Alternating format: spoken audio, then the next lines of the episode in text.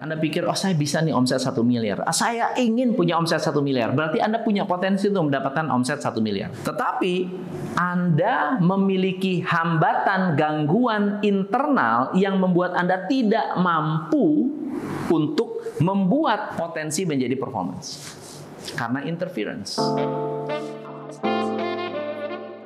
Hai, saya Tom MC Fle, founder Top Coach Indonesia. Thank you buat Rian Kurn untuk pertanyaannya. Pertanyaannya adalah, Hello Coach, bagaimana menurut Coach cara mengembangkan potensi diri dan konsisten secara efektif? Wow, pertanyaannya singkat, jelas, dan padat.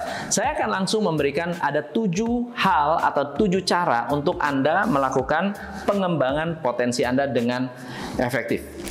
Anda ingin mengembangkan potensi, betul ya? Potensi itu apa? Itu kita mesti kenal dulu, teman-teman. Potensi itu apa? Jadi gini, potensi adalah apa yang Anda pikir Anda mampu. Betul ya? Nah, menurut Anda, Anda punya kemampuan apa? Saya punya kemampuan untuk mendapatkan omset atau income 1 miliar dalam satu tahun. Itu potensi. Kalau Anda karyawan, Anda bisa digaji berapa? Saya bilang, wah saya bisa dapat 1 miliar setahun. Ini potensi. Oke? Tetapi potensi itu kemudian dalam perjalanan menghasilkan performance. Betul nggak ya? Potensi ini menghasilkan sebuah performance. Ternyata potensi saya satu miliar, tapi ternyata saya itu menghasilkan hanya 100 juta setahun. Gitu ke mana yang 900 juta? Ini kan minus 900 juta. Yang minus 900 juta hilang karena interference.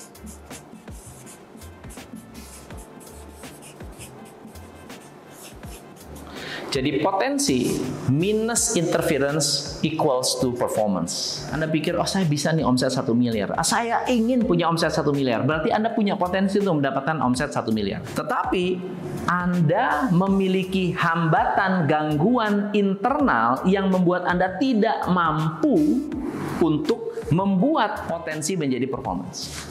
Karena interference. Apa sih yang mengganggu Anda sehingga Anda tidak bisa mencapai target ini? Oh, saya itu malu. Saya itu malu, coach. Oh, saya itu kadang-kadang suka takut. Saya itu kadang-kadang suka bingung.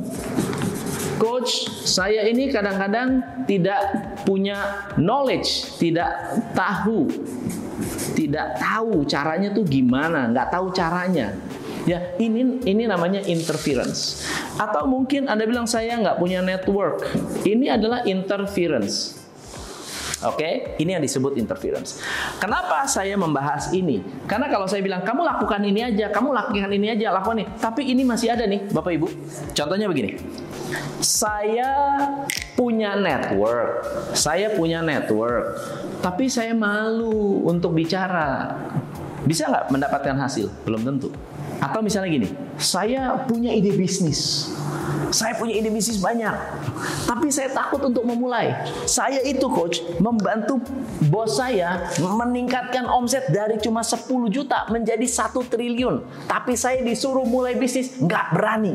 Pernah membesarkan sebuah perusahaan.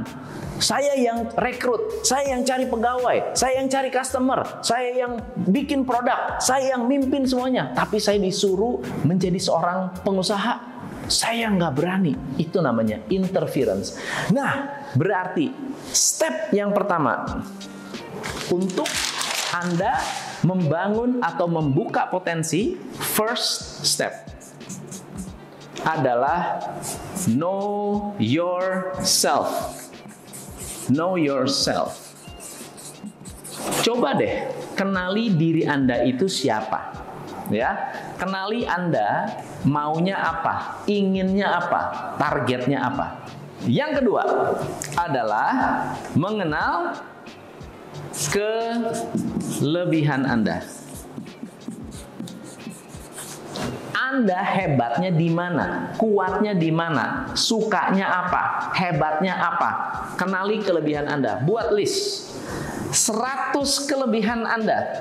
100 kekuatan Anda. Kekuatan adalah sesuatu yang Anda bisa gunakan dengan nyaman. Contohnya gini.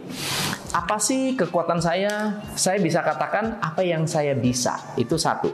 Saya bisa masak, saya bisa nyetir, saya bisa naik motor, benerin AC, saya bisa nyapu, saya bisa ngepel. Tulis semua yang Anda anggap Anda bisa. Yang kedua, ke kelebihan bisa jadi dari sifat atau karakter. Saya ini orang yang rajin, saya orangnya uh, setia, saya adalah orang yang pekerja keras, saya adalah orang yang kreatif. Apa kelebihan-kelebihan Anda? Dan apa yang menjadi karakteristik Anda yang Anda anggap luar biasa? Kelebihan yang ketiga yang bisa Anda share adalah background atau pengetahuan. Pengetahuan yang Anda sudah pelajari dari kecil sampai sekarang. Saya sudah belajar tentang bikin layangan misalnya. Saya punya pengetahuan untuk mengatasi masalah banjir misalnya. Wah, Anda mungkin punya pengetahuan itu. Jadi Anda tulis sebanyak sebanyak-banyaknya kelebihan. Yang ketiga adalah mengenal kelemahan. Mengenal kelemahan. Nah, potensi itu bisa memperkuat kelebihan atau melindungi kelemahan. Itu artinya Anda melakukan pengembangan diri. Berarti langkah ketiga apa? Eh, langkah keempat apa? Langkah keempat adalah membuat strategi. Strategi. Apa strateginya dengan mengenal kekuatan dan kelemahan? Oke, okay? saya, saya strateginya adalah oke, okay, saya mau cari mentor yang bisa memperkuat kelebihan saya. Saya mau cari mentor yang bisa mengatasi atau membantu saya menghindari atau menghilangkan kelemahan-kelemahan saya. Boleh? Silahkan.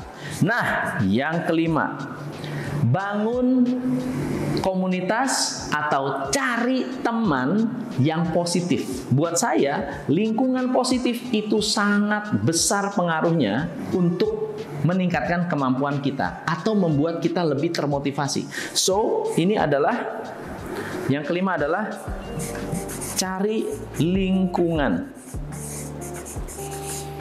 Ada pepatah mengatakan kalau Anda bergaul dengan lima orang miskin, Anda yang keenam. Kalau Anda bergaul dengan lima orang bego, Anda yang keenam. Tapi kalau Anda bergaul dengan lima orang pinter, Anda yang keenam. Kalau Anda bergaul dengan lima orang sukses, Anda yang keenam.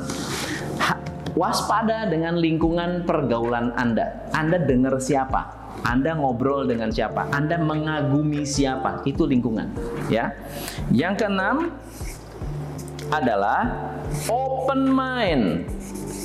Teman-teman, Anda harus membuka diri. Banyak orang yang tidak bisa berpotensi untuk meningkatkan kemampuan dirinya karena terlalu sempit. Ah, kalau sama dia saya nggak mau denger. Kenapa? Agamanya beda.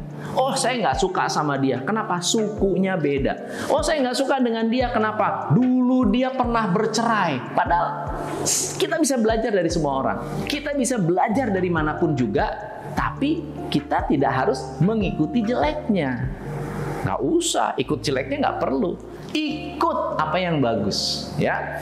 Open mind membuka pikiran, membuka diri, membuka wawasan. Karena kalau Anda lingkungannya sudah bagus, Anda tertutup, Anda akan dihindari oleh lingkungan Anda. Nggak mau gaul lagi sama Anda. Wah, ngapain sama dia? Oh, malas deh gua. Kenapa? Kita ngobrol sama dia selalu bilangnya nggak bisa, nggak bisa, susah, nggak mungkin. Ah, capek dah, jangan ditemenin. Orang hebat malas ketemu kita. Ya. Dan yang terakhir, yang terakhir adalah mau mencoba. Ini yang paling penting. Berani mencoba. Artinya berani mencoba apa? Berani berbuat kesalahan yang terukur. Saya udah kenal diri saya, Saya kenal kelebihan saya, saya tahu kelemahan saya, saya nggak mau mencoba apa yang akan membuat saya tambah lemah. Setuju nggak? Saya udah tahu nih, saya orangnya senang judi. Atau saya adalah peminum suka mabok-mabokan. Jangan gaul sama pemabok. Jangan duduk nongkrong di lingkungan di mana Anda bakal diajak untuk mabuk. Anda tahu kelebihan kelemahan Anda adalah Anda ini orangnya baperan. Jangan gaul dengan orang yang sering bully Anda. Ya, jangan digaulin, jangan ditemenin gitu. Nah, Anda udah tahu kelemahan, Anda udah tahu kelebihan, Anda punya strategi.